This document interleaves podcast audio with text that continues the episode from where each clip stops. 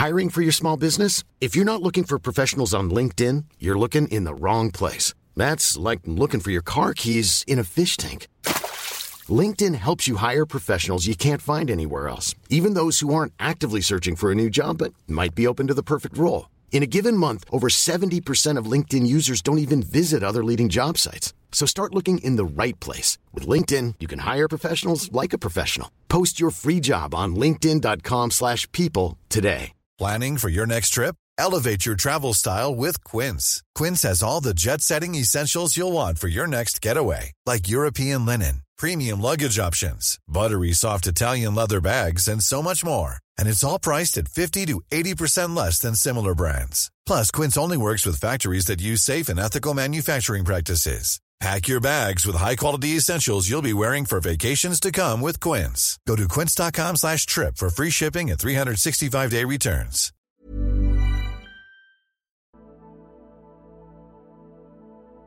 I den her episode fortsætter jeg min samtale med professor i biologisk antropologi Michael P. Masters, hvor vi blandt andet kommer til at tale om spekulationerne om, om der måske er en nær forestående katastrofe, som tidsrejsende har en eller anden form for interesse i. Jeg får også Frederiks perspektiver på den første del af min samtale med Michael, og så taler vi selvfølgelig også om de her svære, komplekse teorier, der ligger til grund for Michaels hypotese. Og jeg er lige her til at starte med, vil jeg også bede om en lille tjeneste. Hvis du er glad for at lytte til vores podcast, så vil vi blive så glade for, hvis du går ind og giver den en anmeldelse der, hvor du lytter til din podcast.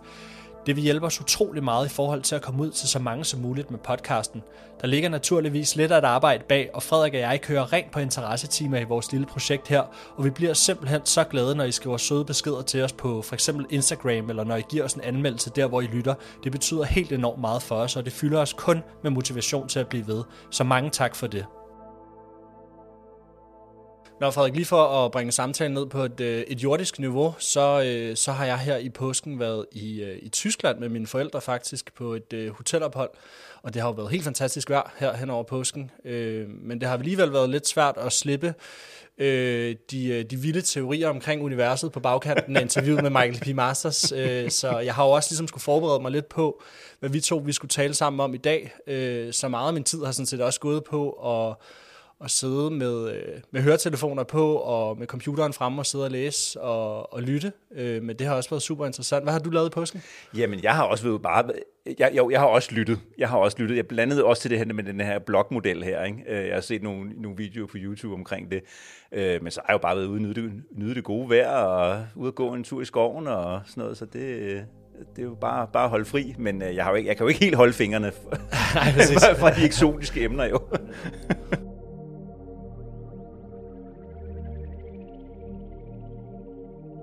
Ja, og i den her episode, der taler jeg jo altså med Michael P. Masters omkring hans hypotese omkring tidsrejser. Han bruger jo den her antropologiske baggrund, han har til ligesom at, at angribe emnet, kan man sige. Og noget af det, han kigger på, det er blandt andet, at, øh, at der, der måske er en stor sandsynlighed for, at det er os selv fra fremtiden, som vi ser i forbindelse med de her UFO-observationer, blandt andet med henvisning til den udvikling, som, øh, som vi mennesker forventeligt vil undergå i fremtiden, og de væsener, som der rapporteres om, i stor grad minder om, hvordan man sådan øh, hvordan man tror, at vi biologisk udvikler os i fremtiden. Hvad tænker du egentlig om det? Ja, altså det er jo en meget udmærket hypotese, synes jeg, og jeg synes, at, øh, at det er en god det kunne ligesom vel være en forklaring som den ekstraterrestriske hypotese. Jeg havde jo, som jeg også sagde i sidste afsnit, lidt et issue med det her med, med de her tidsrejseparadoxer. Øh, men efter at have hørt om den her blok øh, model, så er jeg faktisk mere, blevet endnu mere åben over for den. Og så vidt jeg forstår, så er det jo sådan, at, at at man ikke ligesom, at man ser, man ser det hele lidt udefra, altså ligesom at universet det ligesom er blevet skabt, og så ser man, at alt er bare fastlagt nærmest fra start af, mm. og så indeholder den her model, altså den her blok af, af virkelighed og, og, og tid jo, den indeholder jo også tidsrejserne, så det hele er ligesom sådan determineret på forhånd. Det er sådan, sådan, jeg opfatter den. Det kan godt være, at det ikke er helt rigtigt. Jeg er jo ikke, jeg er ikke fysiker, jeg kender ikke den her model øh, i dybden.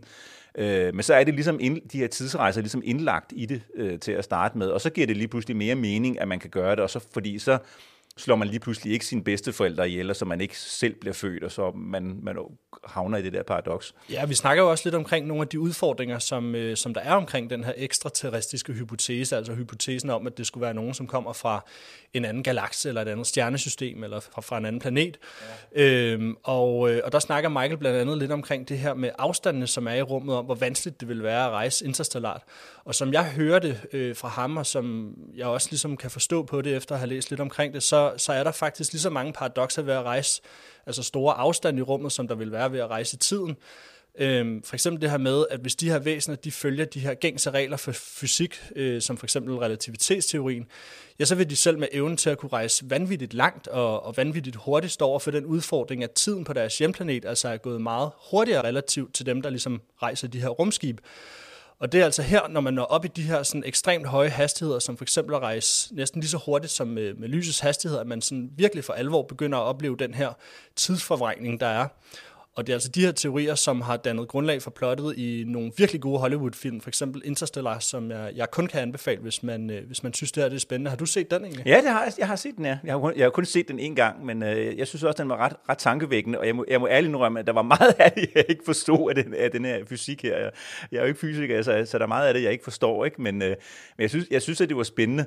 Men altså, men det med, med, med, med tidsrejserne og, og, og, og den interstellare øh, Øh, og interstellare rejser. Altså, det, der, der er jo paradoxer i, eller det, det er jo, med vores forståelse er jo nærmest jo begge ting jo ulassergørligt i øjeblikket. Vi har jo ikke teknologien til det. Så vi er jo bare ude i noget total spekulation her, og det man jo forestiller sig bare, det er jo, at man om, måske om 40 eller 50 eller 70.000 år, så har man kunne finde ud af det her. Når man ser på den her teknologiske udvikling, som vi mennesker har formået igennem de sidste 100-200 år, så er det jo helt fantastisk. Og hvis den fortsætter med samme hastighed, nu kan vi jo se, hvad der sker med AI de her dage her, ikke? men hvis den, hvis den, hvis den fortsætter med samme hastighed, hvor er vi så hen om 1000 år, så har vi måske løst det her. Det kan selvfølgelig godt være, at hverken interstellare rejser eller at tidsrejser, de kan lade sig gøre. Det ved vi ikke, men, men det er jo bare, nu leger vi jo bare med de her hypoteser, prøver at forklare nogle anomalier og nogle fænomener, som vi ser på himlen, øh, og det er jo det, vi sidder og taler om her. ja, lige præcis. Og, og som du også kom lidt ind på, der er jo så ufatteligt langt mellem øh, beboelige planeter, og den tættest beboelige planet, som, som måske også er den mest kendte, det er jo øh, Proxima Centauri B, som ligger hele 4,24 lysår væk fra Jorden. Så altså selv hvis man evner at rejse tæt på lysets hastighed, så vil, man altså, så vil det altså alligevel tage mere end fire år at nå frem til den tættest beboelige planet. Og dertil så skal man altså lægge alle de her udfordringer, der er i forhold til den specielle relativitetsteori om, at tiden går langsommere for et objekt i, i, øh, i bevægelse sammenlignet med et, der ikke er. Øh, så kommunikation og planlægning og alt det her logistiske, der ligesom skal være mellem øh, rumskib og hjemplanet, det vil jo være helt forskudt og rodet. Så, øh, så der er jo rigtig mange udfordringer ved at, at rejse interstellart, jævnførende altså den forståelse, som, øh, som vi har for universet lige nu. Og derfor må man vel nok også antage, at, øh, at hvis dem her, eller de her UFO'er, som bliver observeret, kommer fra en anden planet, ja, så må de vel have fundet en eller anden forståelse for, hvordan universet fungerer. Ja, altså, og så vidt jeg forstår, så er der jo teoretiske fysikere, som, som leger med tanken om orme, ormehuller, og man kan på en eller anden måde kan komprimere rummet, så man kan, man kan komme hurtigere frem på en eller anden måde. Øh, og det, og det har du og jeg måske nok ikke helt som, nok forstand til at kunne, på, på de her teorier, til at egentlig kunne forklare dem ordentligt, så det tror jeg, vi skal holde os fra. Øh, men hvem ved altså? Det kan jo, det kan jo være, altså, og, og med de historier, vi selvfølgelig også hører, og det er jo ikke bevis for, at det er rumvæsener, kan man sige. Nu kommer Michael Masters jo, jo vist også ind på øh, Betty and Barney Hill-sagen, ikke? altså at der er nogle sager, hvor der er nogle, nogle folk, som har været i kontakt med angiveligt med rumvæsener, hvor de har fået at vide, okay, at rumvæsener, vi kommer altså helt specifikt fra Caesar Reticulum, som ligger et eller andet nogle 30 lysår væk fra jorden. Ikke? Altså det er jo sådan meget præcis information, som jo under, siger, okay, men så er det rumvæsener, vi har med at gøre. Vi ved selvfølgelig ikke, om, vi kan selvfølgelig ikke være sikre på, at historien er sand, men... Eller rumvæsenerne fortæller sandheden. Eller, eller lige præcis, eller histor- rumvæsenerne fortæller sandheden. Ikke? Det kan godt være, at de, de virkelig var mennesker for fremtiden, men, men eller så kan man jo, man kan jo hele tiden også spekul- diskutere, om man så overhovedet kan kalde det mennesker. Ikke? Altså, altså, altså de, de mennesker, som levede på jorden for flere millioner år siden, ikke, der, altså, der er jeg sikker på også, at der er nogle, nogle antropologiske biologer, Eske Villerslev forskellige, der har, har en mening om, om, at man kan kalde det mennesker. Det er i hvert fald en anden type mennesker. Øh, så hvornår, hvornår er det noget andet? Øh, hvornår er det den samme art, kan man sige? Ikke? Ja, præcis. Ja. Og noget af det, vi også kom lidt ind på her til at starte med i vores samtale, det var det her med omkring tidsparadoxer. Øh, som, som var jo, det var jo noget af det, du havde, hvad skal man sige, en Ja, udfordring med i forhold til øh, tidsrejsehypotesen. Altså, hvad sker der for eksempel, hvis man går tilbage i tiden og slår sin egen bedstefar ihjel? Og der er jo rigtig mange af de her sådan velkendte øh, paradoxer i forhold til tidsrejser. Øh, og, og, og i den forbindelse, der kommer jeg jo også lidt ind på, øh, på det her bortførelsesfænomen med, med Michael P. Masters, men lad os lige prøve at vende lidt tilbage til det, øh, og så til at starte med at lige tale omkring det her med tidsparadoxerne, fordi det, som han jo taler om, er, at han har jo ligesom, han har jo hørt alle de her paradoxer, der er omkring tidsrejse, øh, hypotesen, men, men han har ligesom en forudsætning eller et udgangspunkt for, for hans hypotese, om man vil. Og, og, og der forudsætter han altså, at, der, at det er blokuniversmodellen, som er den korrekte, og hvis man laver den forudsætning, så findes de her tidsparadoxer altså ikke mere. Og i blok, blokuniversmodellen, så er det sådan så, at både fortid, nutid og fremtid, de er alle lige, øh, reelt lige og eksisterer på samme tid. Og ifølge den her model, så kan man altså ikke ændre fortiden ved at rejse tilbage i tiden og påvirke begivenhederne. Øh, og det betyder, at tidsparadoxet om at slå sin bedstefar ihjel altså ikke vil længere vil være et, øh, et problem i forhold til den her model. Øh, ja, så det, øh, hvad tænker du egentlig om det? Jamen altså, det, det, det synes jeg jo også er en, en, en udmærket forklaring på det, og, så hvis, og hvis det er den model, man holder sig til, altså, så, så har jeg ikke, selvfølgelig ikke noget problem med, med de der paradoxer længere. Øh, så er det ligesom bare, som, så vidt jeg, som jeg forstår det, så er det ligesom indlejret i modellen allerede, at vi om 50.000 år, jamen, så vil vi komme til at lave tidsrejser, fordi så, skal, så vil vi lave tidsrejserne tilbage for, at det hele kommer til at passe. Ikke? Altså, altså jeg, jeg, så, jeg så en video på YouTube, hvor man ligesom ser det som sådan et brød, der ligesom er, er sådan en stor loaf of bread, der ligesom er slået op, ikke? Altså, og, så er det ligesom, og så ser man det hele lidt udefra, og så kan man simpelthen, simpelthen skære nogle, nogle skiver i det her brød her, og de bliver normalt skåret lige, de her skiver, men hvis man lige pludselig begynder at bevæge sig med en eller anden hastighed, så begynder de, de her skiver at blive skåret, skåret skævt, sådan så den, den her relativitet, som, som du snakkede om tidligere, ikke? altså når et objekt er, er, et objekt er i bevægelse, så er, er tiden anderledes for det objekt, der er i bevægelse, end, sammenlignet med det objekt, der er, forbliver i, øh, ikke, som ikke bevæger sig. Ikke? Øh, men så er det hele ligesom bare indlejret i det der, så er det ligesom sådan en, en gramofonplade, man ligesom ser udefra, og, øh, og så kan man jo så ligesom hoppe i den der gramofonplade med, med en pick og se, okay, hvad er frem og tilbage? Ja, hvis man lige skal tage sådan en definition på det, så er tidsparadoxet altså ikke en trussel mod blokuniversmodellen, fordi at det ligesom antager, at tid er sådan en kontinuerlig færdig og sådan statisk enhed. Det er den her øh, det, det her stykke brød, som du, øh, ja. som, du, som du kalder det, ikke? hvor nutiden og fremtiden og fortiden altså eksisterer samtidig og på samme niveau, sådan af virkelighed, kan man sige. Øhm, og jeg tænker, at alle de her filosofiske overvejelser, der er omkring det her, er jo selvfølgelig super spændende, og det er vildt kompliceret, og det åbner faktisk op for en helt podcast øh, i sig selv.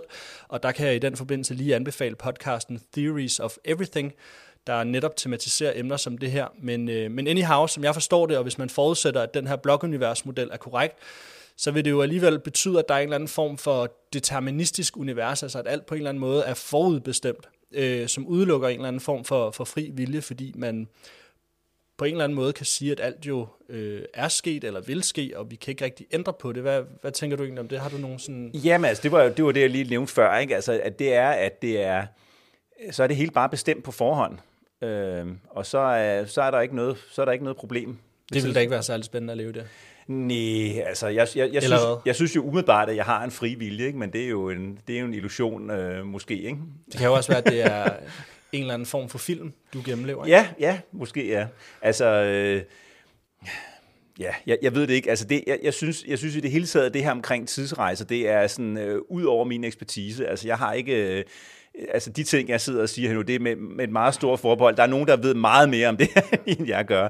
Altså det er virkelig på lægemands øh, niveau, det her, jeg, øh, mine kommentarer til det her. Så. Øh. Ja, men altså fascinerende er det, er det der virkelig, og jeg kan heller ikke øh, lade være at tænke på den her simulationshypotese, som der også er i forbindelse med det her emne i, øh, i den her sammenhæng, og simulationshypotesen går jo sådan grundlæggende ud på, at vi eksisterer i en eller anden form for kunstig programmeret øh, virkelighed, og den, øh, den vil vel harmonisere meget godt med den her blokuniversmodel, fordi de begge to jo tager sigte på øh, at beskrive universet som en del af sådan en forudprogrammeret øh, sekvens, og det synes jeg egentlig bare er ret spændende, og Elon Musk har jo også ved flere lejligheder sagt, at, øh, at, at, at han mener, at der er større sandsynlighed for, at vi, vi lever i en simulation, end vi ikke gør. Så det, det, det, det er bare interessant, at det på en eller anden måde også spiller lidt sammen med den her blokuniversmodel. Og jeg må da indrømme, at jeg er der blevet meget klogere øh, på det her emne, og, og på, på de teorier, der ligger bag, også fordi jeg på en eller anden måde har skulle, skulle reflektere over det.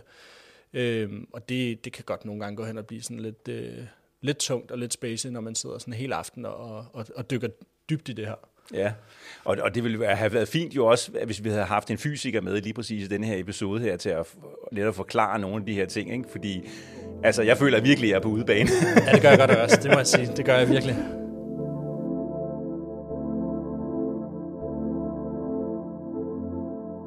Om Frederik, inden vi, øh, vi går videre her, så øh, med, med den sidste del af den samtale, som jeg jo havde med Michael P. Masters, så, øh, så fortalte jeg også lidt om, at det vi kommer ind på øh, Michael og jeg i den næste del af interviewet, det er det her øh, bortførselsfænomen, som, øh, som både du og ham har været ret optaget af, øh, og du har jo også været ret interesseret i at høre hans perspektiver på det.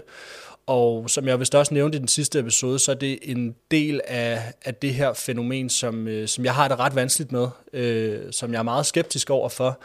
Øh, med god grund, tror jeg, for jeg tror også, der er rigtig mange, som, øh, som, som mener at have oplevet noget, men ikke har oplevet det. Men der er sikkert også nogen, som har oplevet noget, som rent faktisk har oplevet øh, det, de, det, de taler om. Og der er lige en håndfuld historier, jeg vil ikke gennemgå den håndfuld, som jeg synes, der er rigtig interessante, men måske bare dem, som jeg synes, der er virkelig spændende. Og, og lige til at starte med, vil jeg nok lige prøve at fortælle lidt om, øh, om Travis Walton-sagen, øh, som, øh, som Michael P. Masters også lige kort kommer ind på. Og, øh, og den handler sådan helt overordnet om en øh, skovarbejder, som hedder Travis Walton, som i øh, tilbage i 70'erne arbejdede som sagt som, øh, som skovarbejder. Og øh, mens han og hans kollegaer, han havde seks kollegaer, var ude i skoven øh, den 5. november i 1975 i øh, Arizona, øh, oplevede et, øh, et stort lysende øh, fartøj hænge inde i sådan en lysning i skoven på vej hjem, da de, er, da de ligesom har afsluttet den her arbejdsdag.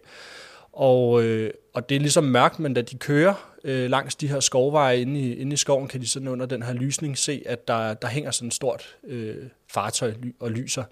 Og de kører ligesom hen til det her fartøj for at se, hvad det er, kommer faktisk relativt tæt på det her fartøj. Og, øh, og, øh, og alle sammen meget sådan, øh, forundret og chokeret over, hvad det er, de, de ser. Og Travis Walton går så ud af bilen, alt imens at øh, hans øh, seks kollegaer råber til ham, at øh, det skal han lade være med, og de er meget chokeret over, at han går ud af bilen og begynder at nærme sig det her fartøj. Og han kommer faktisk helt tæt på det her fartøj, som hænger sådan i hvert fald en, ja, en menneskehøjde, måske lidt mere hen over jorden. Og det han kommer tæt på fartøjet, jeg er ikke helt sikker på, om han kommer under fartøjet, eller han står lige ved siden af dem, der skyder det sådan en, øh, en stråle af lys øh, på ham. Og Travis han flyver altså tilbage og lander ligesom på jorden meget voldsomt. Og det skræmmer simpelthen de andre, der sidder i bilen så meget, at de bare trykker på speederen og, og hamrer afsted. Og ganske kort tid efter, efter at have kommet lidt længere øh, ned ad de her skovveje, der går det ligesom op for, øh, for kollegaerne, hvor, hvor dårlige kammerater de måske i virkeligheden er, øh, og beslutter sig for ligesom at, at vende om og, øh, og se til ham. Og da de kommer tilbage til den her lysning, der er både det her fartøj, som hang i øh, luften væk, og Travis Walton, han er også væk. Og øh, de kommer tilbage og er selvfølgelig vildt chokeret over, hvad det er, de har, har oplevet angiveligt, øh, og, øh, og fortæller, hvad det er, der er sket. Og der er jo ikke nogen, der, der tror på, hvad det er, der rent faktisk er foregået. Øh, det kan man måske i virkeligheden godt forstå, men, øh, men det, der så sker, det er, at, øh, at der selvfølgelig bliver sagt, sat en, en, en eftersøgning i gang af Travis Walton, men han er simpelthen bare ikke til at finde. Øh, nogle steder han er faktisk forsvundet i helt op til, til, til fem dage, og, øh, og, og alt imens det her det foregår, der fastholder de her kollegaer altså den her historie. Øh, de bliver jo beskyldt både for det ene og det andet, og har været påvirket af det ene og det andet, men vigtigst af alt, så bliver de nok beskyldt for at have slået ham ihjel. Og det er altså ikke bare lokalbefolkningen, der tror, at det er foregået. Det, det tror myndighederne faktisk også. Så de sigter ham rent faktisk for drabet på Travis Walton, øh, hvilket på en eller anden måde understreger, øh, omfanget og tyngden af den her øh, historie, at, han, at de rent faktisk bliver sigtet for det her, og de bliver faktisk også underlagt en løgnedetektortest, øh, som, som fem af dem rent faktisk består. Øh, altså at øh, de, de taler sandt øh, omkring den her øh, bortførelseshistorie om, at der skulle være en UFO, som de havde observeret. Øh, den sidste af dem, den øh, kommer ud øh, som inconclusive, øh, og, men altså fem af de her består altså den her løgndetektortest. Øh, og fem dage efter, der dukker der en, øh, en lang, langskægget Travis Walton op og fortæller, at han er blevet øh, taget med ombord på det her fartøj og, øh, og fløjet væk. Øh, og der er blevet lavet nogle undersøgelser på ham inde i det her fartøj, men at øh, han også kommer et sted hen, hans hukommelse er meget sådan øh, fragmenteret omkring hele oplevelsen, men han også kommer et sted hen, hvor han ligesom har indtryk af, at han er på en eller anden form for sådan hangar, eller en base, eller noget i den retning der, og der ligesom er en masse menneskelignende, eller som faktisk øh, en til en ligner øh, mennesker, som går rundt med nogle, øh, nogle gennemsigtige hjelme på. Men så det er noget, han både ser, han, han beretter, han både ser nogle væsener, som ikke ligner mennesker, altså som ser radikalt anderledes ud, men så også nogle, der nærmest ligner mennesker til forveksling. Ja, altså det første, han oplever, det er øh, nogen, som ikke ligner mennesker, og der gakker han helt ud øh, inde, i, øh, inde i det her fartøj, og tager faktisk en eller anden cylinderformet genstand, og, og skubber til en af de her, øh, de her væsener, som, øh, som, som ligesom omringer ham på det her mm. bord, og han siger, at det her væsen, det flyver sådan meget let, øh, fordi de er meget små, og i det, han ligesom begynder at, at rase ud inde i, den, i det her fartøj, der, der er det så, at de her øh, menneskelignende væsener så kommer ind. Og han spekulerer så om, kan vide, om det er, fordi de har taget form som mennesker, fordi det er nemt genkendeligt for ham, og det måske kan berolige ham. Øhm, eller om det måske faktisk bare er to forskellige former for, for væsener. Så hele den her historie er super interessant, og øh, jeg tror, man skal huske på, at øh, det her med, at de bliver sigtet for drabet på ham, det handler nok også om, at øh, de får øh, en sigtets rettigheder. Nu er jeg ikke helt sikker på, hvordan det foregår i USA, men jeg kunne forestille mig, at det foregår lidt på samme måde. Men når du sigter nogen for noget, jamen, så får man en sigtets rettigheder. I Danmark betyder det blandt andet adgang til en forsvar og en masse andre øh, ah. øh, rettigheder. Det har jeg ikke aldrig tænkt på. Det er jo det juridiske aspekt, der ja, kommer ind her. ja, præcis. Så det, ja. det, det, er jo nok, øh, det er jo nok det, der har været hensynet bag øh, at sigte dem, men, men ikke desto mindre, så, øh, så, så mener man jo nok at det er alvorligt, siden man sigter nogen for, for noget så groft som at dræbe et andet menneske. Ikke? Øh, så sådan har myndighederne jo også set på det. Så det er en af de historier, som, øh, som for mig i hvert fald er, er enormt interessant, øh, og mange har jo forsøgt at, og ligesom at miskreditere den her historie på den ene og på den anden måde. Øh, men jeg synes alligevel, at der er så mange spændende aspekter til den, at jeg synes, den er svær at, at affeje. Ja, og man fortæller jo, altså han, Travis Walton er jo stadigvæk ude i landskabet, så vidt jeg husker. Der var vist nok en periode, hvor han ikke var ret meget i medierne, men, men jeg har da sådan set ham igen, synes jeg egentlig, ja. øh, optræde igen, og han, han, så vidt jeg husker, så fastholder han jo historien, og så kan jeg jo lige huske at indskyde, at man kan jo se den her film, der hedder Fire in the Sky. Jeg tror, den var fra 90'erne eller sådan noget. Jeg kan ikke, jeg kan, det er så mange år siden, at jeg har set den. Jeg kan faktisk ikke huske, om jeg egentlig synes, at det var en god film, eller om den overhovedet sådan skildrer forløbet sådan korrekt. Øh, jeg tror også, at hvis man ser filmen, så skal man nok også høre, måske nok lige også høre Travis Walton, hvad han egentlig synes om, synes om den film, om den egentlig skildrer forløbet, sådan som, som han, han selv oplevede det.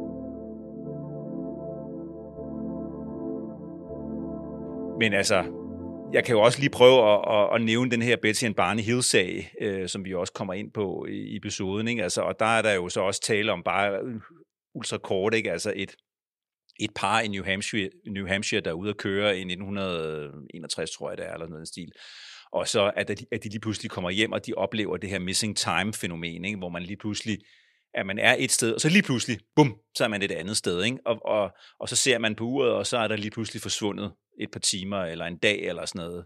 Øh, og så bliver folk jo meget nysgerrige på, jamen, hvad er det egentlig, der er sket i det der, i det der tidsrum der, og så bliver det folk ofte øh, undergår det sådan en hypnose, og der fortæller Betty og Barney så, at de også har været inde i et fartøj og været, har været, har været noget, nogle undersøgelser af dem, hvor de her væsner, der har været inde her, har fortalt, at de er kommet fra den her øh, Ceta Reticulum, eller den her stjerne her, som, som ligger, det er vist nok en dobbeltstjerne, tror jeg. Det må, ja, hun vil i hvert fald vise et stjernekort. Ja, det er jo noget med et stjernekort, ja, lige præcis. Ikke? Altså, og der får man jo så en, en, en, en meget konkret information om, okay, det her, det er altså ikke, det er ikke, det er ikke mennesker, det er folk fra, som har rejst Øh, de der nogle af 30 lysår hertil. Om det er så en sand historie i det hele taget, det ved vi jo ved vi selvfølgelig ikke. Det kan man jo diskutere. Skeptikere vil, vil jo mene, at det er fuldstændig det er løgn og latin det hele. Øh, eller også har, er det noget, som de selv har fundet på inde i hovedet, og hvor sådan mere overbevise vil sige, jamen det, det er fuldstændig sandfærdig historie, alt det her. Men hvordan de så har tilbagelagt den afstand på nogle af de der over 30 lysår, det er jo så mysteriet for os. For den teknologi har vi i hvert fald ikke sådan umiddelbart til rådighed, i hvert fald ikke i, i, med den teknologi, så skulle det være et hemmeligt projekt, øh, den teori. Det er, jo en, det er jo så en helt anden hypotese, den er vi også åbne over for, men, men det korte og lange er, at vi har ikke den teknologi, men det er jo noget, der, der ligesom taler for, at det, at det er den ekstraterrestriske hypotese er, er, er valid, og, og der er også andre øh, kontaktis og abduktis, der så fortæller, øh, at de får at vide, at det er øh, for, folk fra andre øh, stjernesystemer, som kommer her. Ikke?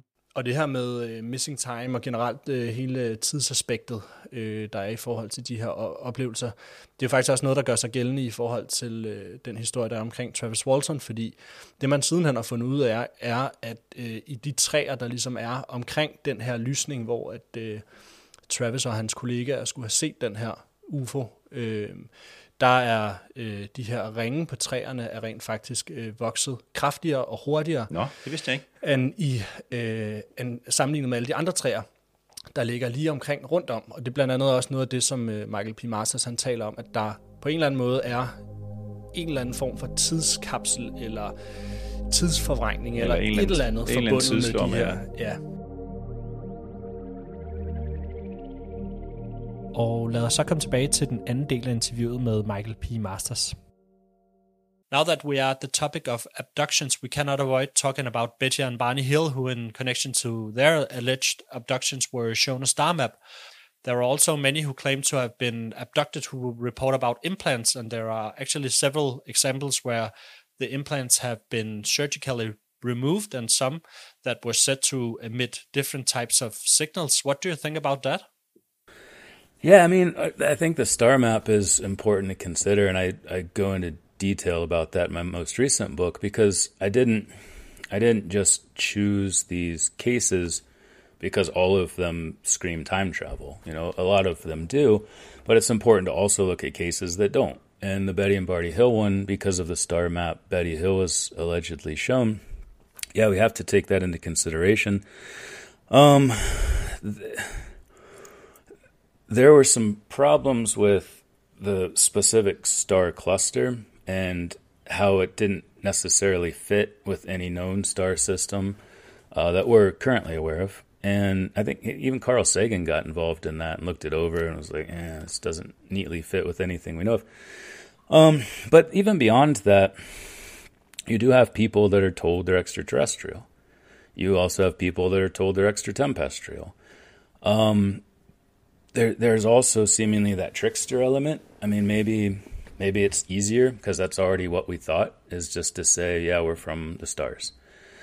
Um, or maybe you know something that my editor pointed out uh, in my most recent book is is what if they actually are? I mean, what if they're future humans that in in our own future here on this planet we leave this planet and we go occupy other star systems in the same way that I know his ancestors were from England, I think, and he lived in Canada. He doesn't say I'm British, even though he can trace his ancestry back to the British Isles. He says he's Canadian because that's where he lives now. So, I mean, that's also a possibility that they they're both. They are future humans that go on to occupy other star systems and are returning from those and say we hail from this particular planet in this star system uh, because that's the most recent thing they knew, even if they did have earthly origins.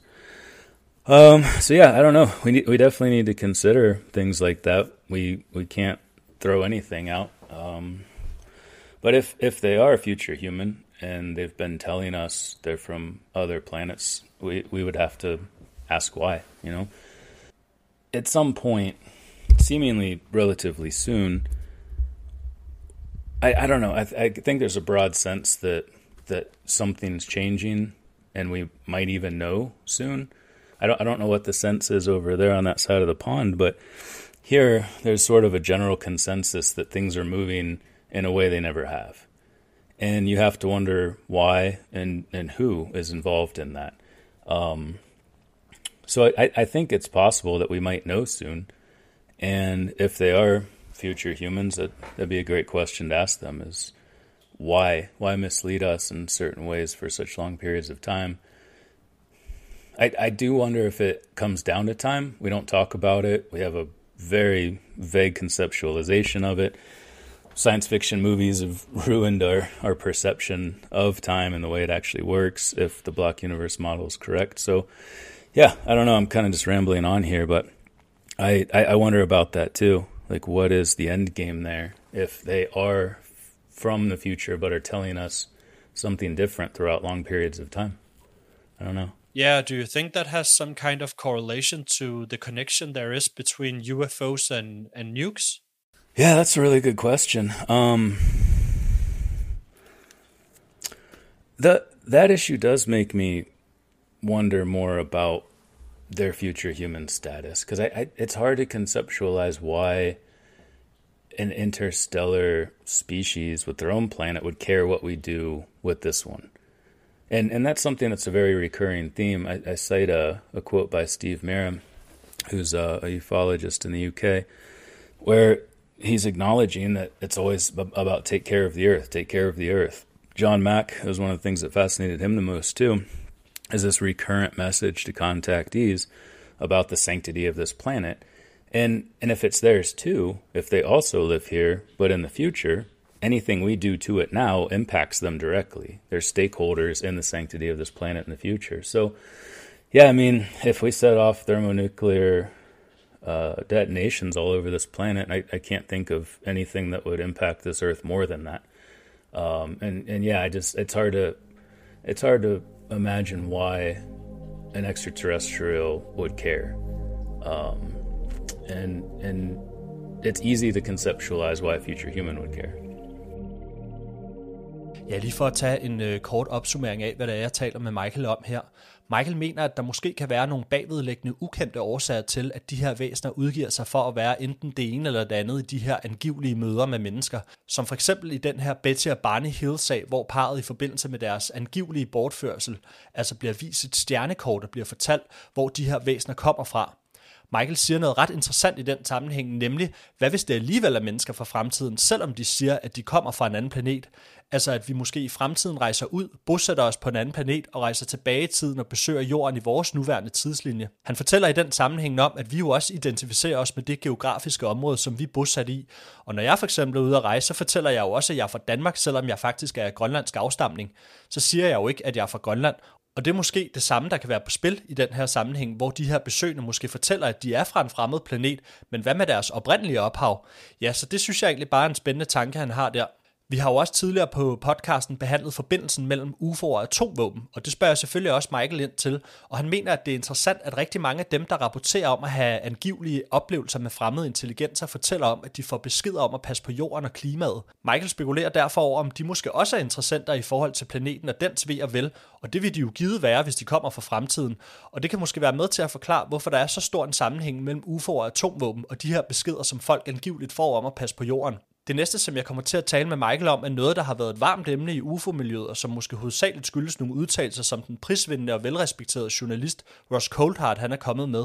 Nemlig at han af troværdige kilder er blevet fortalt, at UFO-fænomenet til dels handler om tidsrejsende og nær forestående katastrofe, som de her tidsrejsende skulle have hver deres interesse i. Men lad os prøve at hoppe tilbage til interviewet og høre, hvad, hvad Michael har at sige til det. Yeah, now that we touch on this, I know there there in recent years has been a lot of talk about future events, and I'm actually very curious to hear what your perspective on this is. Russ Coldhart, as a recognized and respected journalist, has become deeply involved in this subject, and he has also made several statements about time travel hypotheses. He has uh, he has on several occasions mentioned that credible sources have uh, have told him that there are two different time fractions fighting over the timeline and how it should develop. It's about a looming catastrophe that people from our near future want to prevent, and then there are some from a very distant timeline in the future who want to ensure that this catastrophe happens. What do you think about this? Yeah, it's certainly something to consider. Um, I I had been in touch with someone back in I think 2020 uh, espousing that same thing and saying the same thing about intelligent sources and um, they even interjected aspects of, of these different timelines and, and an erasing of one timeline and, and even the uh, Mandela effect being at play. Um, yeah, I don't know. I mean, like like I said, I am coming from more of a block universe standpoint simply because that's what we have now. certainly doesn't mean it's right, you know, but it, it does make a lot of sense. It's just for that to be the case, then yeah, we're talking about a multiverse or the many worlds interpretation, multiple timelines. And it's a really interesting thing to think about. And it's in my first book I didn't touch on that at all, simply because again the most conventional explanation is the block universe model, so I try to stay within that framework uh, with regards to the the Nabokov self-consistency principle and just the way we understand space-time now. But arguably there's going to be things we're missing. Um, we don't even know what time is. We we think it's an, an emergent phenomenon. It's not fundamental. Space might not be either. So until we really know, I, I think that's absolutely something we should consider. Is that there may be other timelines, and if there are, uh, a time war, it's uh, it's kind of a, a principal theme in this uh, this most recent book I've been working on. That should be out in June. Uh, looks at that that question of of sort of the future human hypothesis in the context of of nukes and uh, battles for timeline supremacy and things like that because it's a super fun thing to just think about in general. And I touched on a little bit in my most recent book with regard to that question of nukes and what it might mean in the context of the block universe and the many worlds interpretation. Um, so yeah, I mean, I I I think it's I, I think it's I think it's really important to have that conversation. I think it's great that Ross is is bringing that to the forefront. And and yeah, as a respected journalist and seemingly a great guy, uh, I think we should take seriously what he says. Absolutely, um, the ramifications of it, what it means, I think is also important to consider. Like, what does it mean if there are two different time species fighting for domination of this reality. Uh, I, I, guess in my mind, and maybe it's because I've been writing a science fiction book about this, is I, I, would expect to see them in the sky shooting lasers at each other or something if if they are actually battling for for the timeline. But uh, who knows? You know, maybe that's just a, a narrow perception of the reality of that that sort of conflict. Yeah, and I can't help think that maybe these so-called visitors maybe has an interest in, in, in appearing as aliens from another planet, if there actually are time travelers. Yeah, and I, I don't know. I, I guess that's something that I, I gave a very uncohesive, long-winded response to that a little bit ago. Um, but yeah, it it seems that I, I, I guess they just maybe wouldn't want us to know until it's time to know. Why? You know, or maybe that they do tell some people too. They do say we're future humans. Um, so why some people and not not everybody? Why why don't we have? I, I, I do think you know I, I used to say this early on when I started researching and writing about this that it would be so cool if we knew in our lifetime, but it seemed like a pipe dream. It seemed like an unrealistic hope for the future. But more recently, I don't know. Like we we could know soon, not just in our lifetime, but in the next five years. Yeah, and I have to ask you, why do you think that? Do you have any particular reason on why you think that? Um, things seem to be progressing in a way they never have, and and even you know even a couple years ago, there was a lot of people who legitimately said, "Yeah, well, we've seen this before. We'd see these little glimpses of hope." Um, this this time seems different, and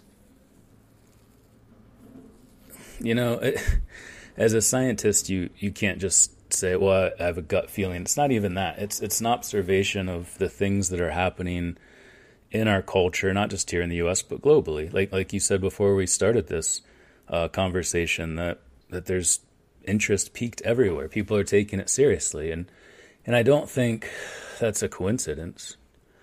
Um, and I, I think we've almost gotten to the point where we can't go back. We can't just bury this again like we have for decades. I think we are moving toward an understanding of uh, of what's happening. And and I mean, you have people like John Ramirez and and Lou Elizondo saying something's happening. You know, people that are seemingly very connected to this phenomenon.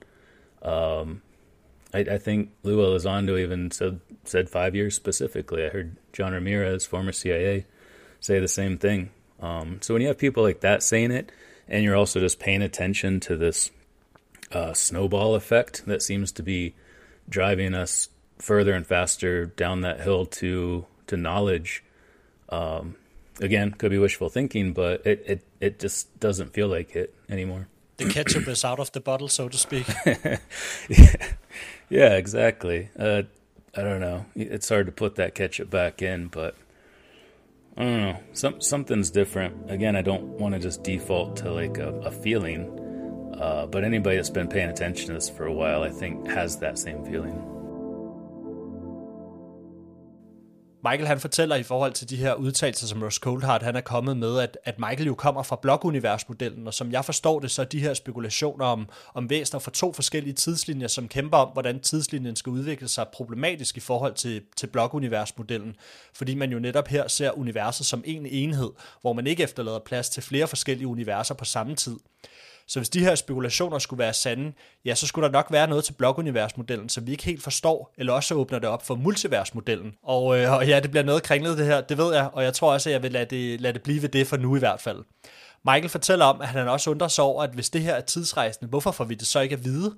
Han spekulerer over, om der måske er nogle hensyn i, hvorfor vi ikke skal udstyres med den viden. Og så siger han, at han har indtryk af, at vi rykker os tættere på, måske at blive klogere på, hvad det her fænomen er. Og det var også noget, han nævnte lidt tidligere i vores samtale, og jeg tror, det er vigtigt at huske på, at mange af de her mennesker, som på et relativt højt niveau er engageret i det her emne, en gang imellem sidder inde med, med mere viden omkring det her, end vi andre gør.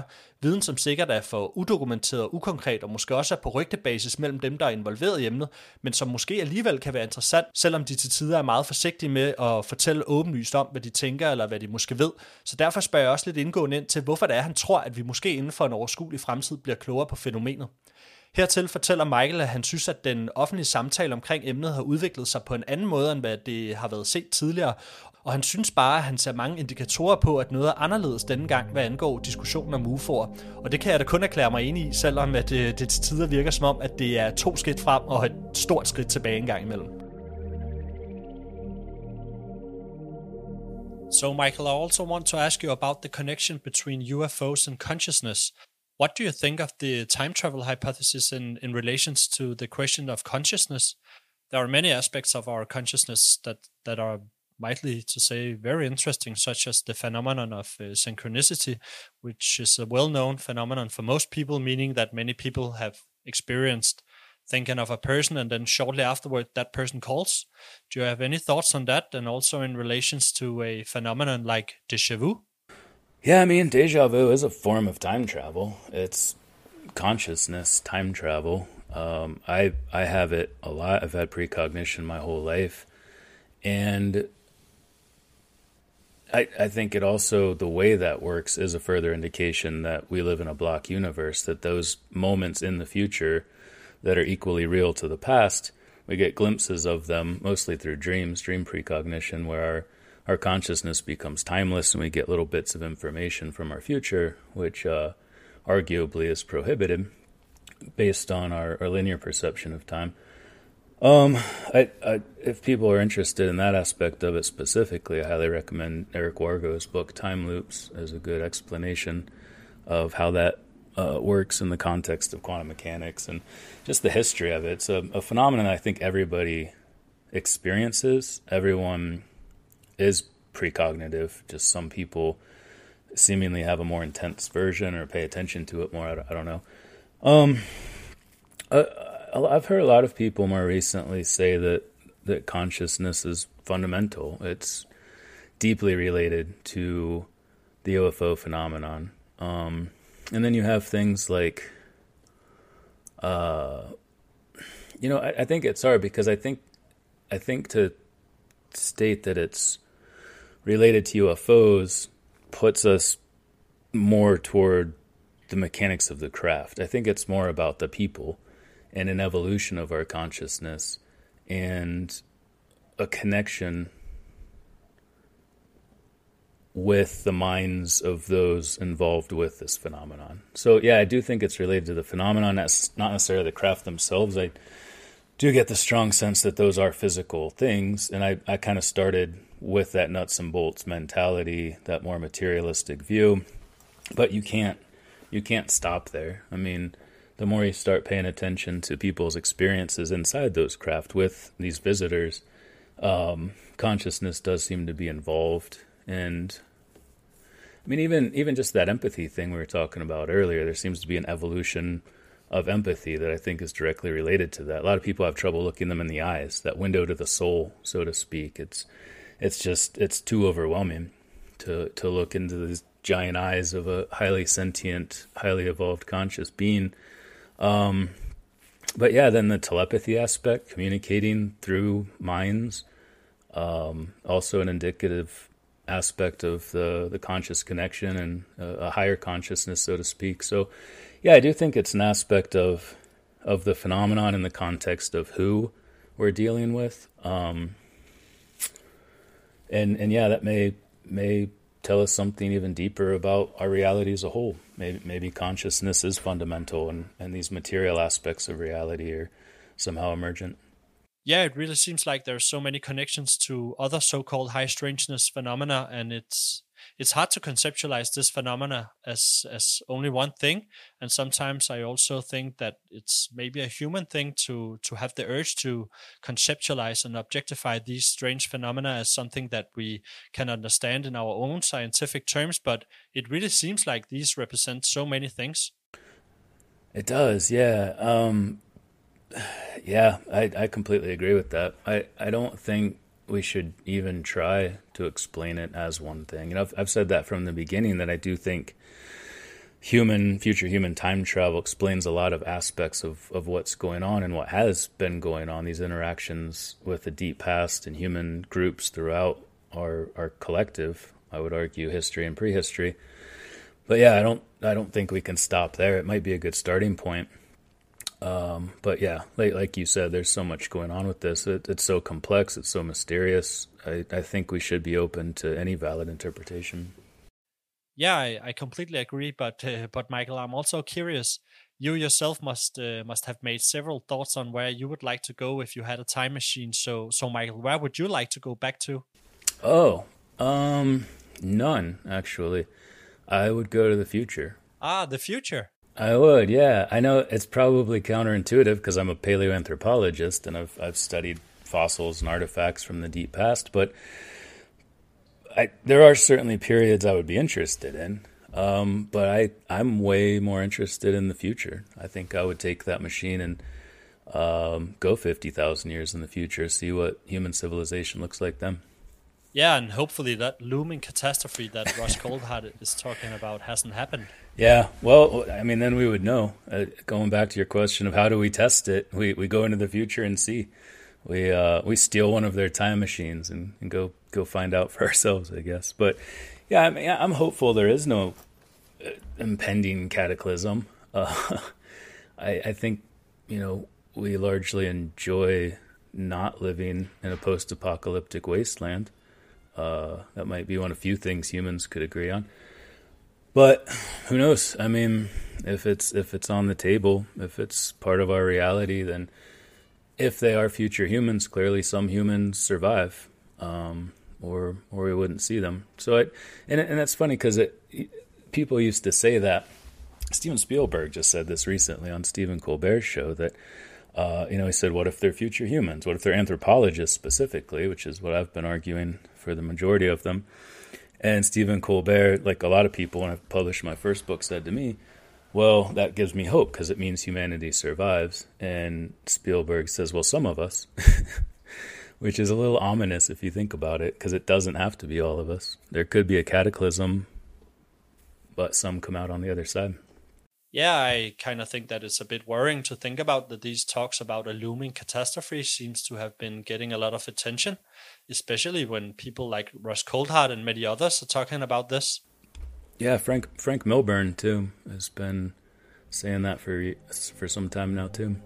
Yeah, it's a it's a it's a bit yeah interesting and, and worrying as I said. Ja, vi, øh, vi taler jo lidt omkring det her med øh, forbindelsen mellem vores bevidsthed og UFO'er. Og Michael mener, at mange af de her mystiske aspekter, der er til vores bevidsthed, som for eksempel déjà vu, og det her med at drømme noget, som så rent faktisk senere sker, måske harmonerer meget godt med blokuniversmodellen, hvor vi den vej igennem måske får et lille glimt i, hvad der venter rundt om hjørnet, eller i forhold til for eksempel déjà vu, hvor man oplever en følelse af, at det her, det har jeg set før, måske netop præcis kan være det, en kort følelse af en eller anden form for fremtidsforudsigelse. Der er rigtig mange, der har forsøgt at forklare de her fænomener til vores bevidsthed, men den overvejende konsensus er altså stadig, at det her det er noget, der er ret mystisk, og lige præcis aspekter som det her, det er noget, som jeg personligt synes er helt enormt fascinerende, fordi det ganske enkelt er noget, som vi alle sammen oplever fra tid til anden, og typisk så har det en ret stor indvirkning på os alle sammen, når vi oplever det. Som Michael også fortæller om her, så er der begyndt at være en kvalificeret samtale om bevidsthed i relation til UFO-fænomenet. Og mange mener, for eksempel Jacques Vallée, som er en af de mest førende researcher inden for det her område, at der er en uomtvistelig forbindelse mellem UFO og vores bevidsthed. Noget, som vi også ser i religiøse beretninger og tekster, så jeg tror helt klart, der er noget her, der er værd at interessere sig for. Og som Michael også kommer ind på, så skal man nok være forsigtig med at forsøge at definere det her fænomen som én ting, fordi meget tyder på, at det ikke bare er én ting. Det er selvfølgelig ret frustrerende for os mennesker, der har en tendens til at ville forklare alting, og gerne på en måde, der harmonerer fuldstændig med vores egen virkelighedsforståelse. Vi kommer lidt ind på den her katastrofesnak igen, og jeg vil altså lige skynde mig at sige, at menneskeheden altid har spekuleret i jordens undergang, så der er altså ikke noget nyt i det her, men han fortæller også om nogle udtalelser, som den, øh, den kendte filminstruktør Steven Spielberg havde i forbindelse med et interview med Stephen Colbert i forbindelse med The Late Show, hvor Spielberg også spekulerer over tidsrejsehypotesen. You know, the most optimistic thing I feel about these things that we're seeing in the skies yeah. or the Army and Navy and Air Force are recording on their on their on their gun cameras is that what if they're not from an advanced civilization 300 million light years from here? But what if it's us 500,000 years into the future that is coming back to document the second half of the 20th century and into the first 20th century because they're anthropologists and they know something that we don't quite know yet that has occurred, and they're trying to track uh, uh, um, um, the last hundred years of our of our history. Generelt er hele det interview faktisk ret spændende, og det er bare fedt at se, at emnet bliver taget alvorligt i talkshow som The Late Show, hvor specielt Stephen Colbert i seriøse vendinger ofte tager det her emne op.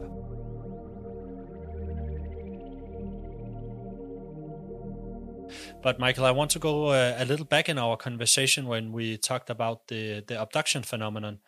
You seem to be interested in abductions, but there's also the contactee phenomenon where people report coming into contact with a wide range of different types of beings, which vary greatly in appearance. Some some experience coming into contact with praying mantis-like beings, and and some talk about experiences with the reptilian-like beings. What is uh, your opinion on this in, in relation to the time travel hypothesis? Yeah, it's something um, I've thought about and, and discussed with a number of people, and, and my perception's still evolving. Um, but I think there's a couple of things at play there if we can take these accounts seriously. And um, the variation observed, Whitley Strieber talked about in his book Communion, he listed four different types. Um, the the free study again, the Dr. Edgar Mitchell study, the most commonly reported beings were humans, followed by the short grays, the tall grays, and then hybrids, which seemingly have characteristics of both. And as I often point out, all of those by definition are hominins, just like us, upright walking bipedal hominins. Um, I, I coined a term in my first book, temporal ancestry, in the same way that we have geographic ancestry where people evolved in sub Saharan Africa, Australia, uh, South America, and they have traits indicative of those geographic regions. It could be that we have geographic races continue into the future, and people that describe East Asian looking beings because they're future humans that come from an East Asian territory. Or, and I think both are at play probably, or it could be temporal ancestry, where you have people coming back from different times who, as ambassadors of that evolutionary grade, have characteristics representative of where they are in that evolutionary line, where ones with the bigger head, smaller faces, bigger eyes are probably from a more distant period. Um, what they found in this study, too, among contactees and abductees, is that about 5% report fully non human entities, um, the reptilian types, the mantid types, uh, spirits, ghosts, those types of things. And and we certainly have to consider those too. And and I think that's a big part of why we can't just boil everything down to this one model. I mean, we, we could say that they come from a very distant point in our future. Uh, Whitley Strieber and I had a conversation where we were talking about maybe they exist in a post human future. Uh, they are reptiles or insect like beings who, very, very far off, uh, after humans are gone, discover possibly our own backward time travel devices and do it themselves. You know, we were just kind of spitballing, but it's something to consider. Um, or yeah, I mean, maybe maybe the hybridization thing helps explain it too. Where you have people with very different physiological characteristics, where when you hybridize those uh, those zygotes, you get something that's in between. Um, Terry Lovelace describes seeing a number of different beings um, operating on the same ship with uh, military, modern military people with you know the same sorts of insignia we have on our our military uniforms now. So I think yeah, there's probably a lot of different things going on there. But if if we do consider it in the context of time, I think it can be uh, temporal variation, geographic variation, hybridized variation. Um, but but yeah, it's it's definitely an important question. Is is what is behind that? Uh, maybe it's all related, or or maybe not. You know, maybe some are extraterrestrials, and that's that's certainly still on the table. Yeah, I really think that it's a a fascinating theory, and as I also mentioned earlier, not only because this theory has long been been a part of the entertainment industry, but also because science is really taking this seriously as a possibility. Most people are finding time traveling very fascinating and also in relation to this phenomenon where no one seems to have a clear answer to explain the phenomenon. And and therefore i also think it's it's very important to investigate and be curious about the different kind of hypotheses and especially this one because there's so many aspects to the time travel hypothesis that that almost seems a bit more realistic and tangible to explain what's going on compared to for example the extraterrestrial hypothesis in one of your books. I don't quite remember which one, but you are dealing with the time distortion aspect of the uh, of the abduction phenomenon, where people report to have been gone for maybe hours, but return with hair growth similar to hair growth for several days. That's that's just so interesting. Yeah, and and you know we're at the point now where uh, I think collectively, at least the people who are paying attention, this is real. This is a real phenomenon, and we didn't have that until recently. It was still easy for people to say, well, UFOs aren't real. And it, was honestly difficult for me. I started writing my first book in 2012. I'm writing about something that consensus reality says doesn't exist. You know, and so you innately feel like you're wasting your time. What's the point of this? But I feel like we're at a point now where we can say, yes, these are real. At least the craft, you know, it obviously they seem to be intelligently controlled by beings that are seen in and around them. So the question then becomes what are they? Um, who are they? Why are they here? Where, when did they come from? And a, a lot of things start with theory, you know, and there's a number of theories related to this phenomenon. This time travel theory has been around for a long time. Um, but I, I, I think it's worth exploring. I wouldn't have written two books about it. And like you said, I do think it helps explain a lot of the phenomenon. It's not going to fill every hole, uh, but even you know, from a Occam's razor standpoint, it, it is the simplest explanation with the fewest assumptions. We are here. Um, we know we have been. We've seen our technology evolve. We've seen our morphological form evolve, and if that continues, what what people are reporting, seeing, and describing is very similar to what we'd expect to see in that future. So yeah, just um, you know, I, I think it's it's the simplest explanation. I think it's intuitive in a lot of ways, and um, yeah, it's it's great to to see people taking it seriously because I do think it's worth worth worth considering. Yeah, sure, sure. But Michael, actually, I think uh, that I got through all of my questions I had. But I'm really, really happy that you were willing to uh, participate in uh, in this relatively new podcast, especially because I've I've read uh, both of your books, and I must uh, I must admit that I'm a huge fan of your work. So yeah, I'm so pleased that you wanted to come on. Yeah, absolutely, Martin. It's always great talking to people about this. It's a fascinating subject. Um, it's easy to get bogged down in in day to day life, but it, i feel fortunate to be able to have these conversations with people because it's never gets old to me, and it's it's great that there's so much interest over there where you are too. You said it's sort of a, a, a growing conversation that's happening, so it's it's great you two launched this podcast, and I, I wish you the best of luck with it. Perfect, Michael. Thank you. Thank you so much. Jeg spørger lidt ind til de her beretninger om, hvordan de her væsener angiveligt ser ud, for i forbindelse med de her angivelige møder med andre væsener, så varierer udseendet på dem helt utrolig meget, lige fra knælerlignende væsener til nogen, der ligner os på en prik. Så hvordan passer det lige ind i øh, tidsrejsehypotesen?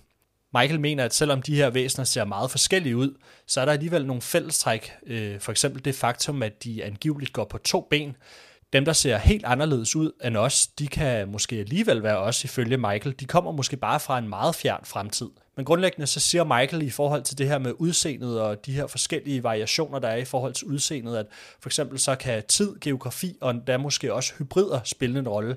Og det er altså et emne, som måske endda er endnu mere kontroversielt inden for det her felt af en angivelig bortførsel. Altså det tror jeg ikke, jeg vil, jeg vil dvæle for meget ved her. Men ja, det var altså den samtale, som jeg havde med Michael P. Masters, der altså er professor i biologisk antropologi. Meget fascinerende, måske også, også som, øh, som jeg også nævner i samtalen, måske lige præcis fordi tidsrejse altid er noget, der har været teoretiseret om fra et videnskabeligt perspektiv, men som, som i den grad også har været en del af underholdningsindustrien. Jeg nåede i hvert fald interviewet, og jeg kan i den grad mærke, at der, der er stor forskel på at være forbruger af det her emne, til lige pludselig at være bidragsyder til det. Jeg kan lige pludselig ikke længere øh, stryge let og elegant hen over det, der måske er, er for komplekst for mig. Jeg bliver nødt til på sådan et, øh, et minimumsniveau at sætte mig ind i de ting, som, øh, som er omdrejningspunktet for, for teorierne og samtalerne på, på en lidt anden måde, end jeg, jeg tidligere har været vant til. Som det for eksempel også er sket her i forhold til, til blokuniversmodellen. Og ja, det er altså også en af grundene til, at, øh, at Frederik og jeg laver den her podcast. Og selvom Frederik har en naturfaglig baggrund, så vil jeg altså lige skynde mig at skyde et forbehold ind om, at vi, vi taler omkring det her på et, øh, på et lægemandsniveau, og vi er på ingen måde eksperter i svær og kompleks fysik og teorier om universet. Vi er, vi, vi er bare nysgerrige. Vi håber, at du synes, at vores snak med Michael var spændende, og her til sidst vil jeg bare lige sige, husk at følge med på vores sociale medier, hvor vi løbende fortæller om, hvad vi har i kikkerten i forhold til de kommende episoder.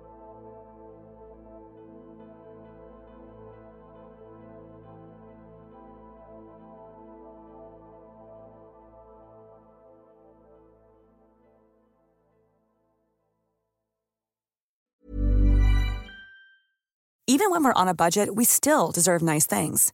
Quince is a place to scoop up stunning high-end goods for 50 to 80% less than similar brands. They have buttery soft cashmere sweaters starting at $50, luxurious Italian leather bags, and so much more. Plus, Quince only works with factories that use safe, ethical, and responsible manufacturing. Get the high-end goods you'll love without the high price tag with Quince. Go to quince.com/style for free shipping and 365-day returns.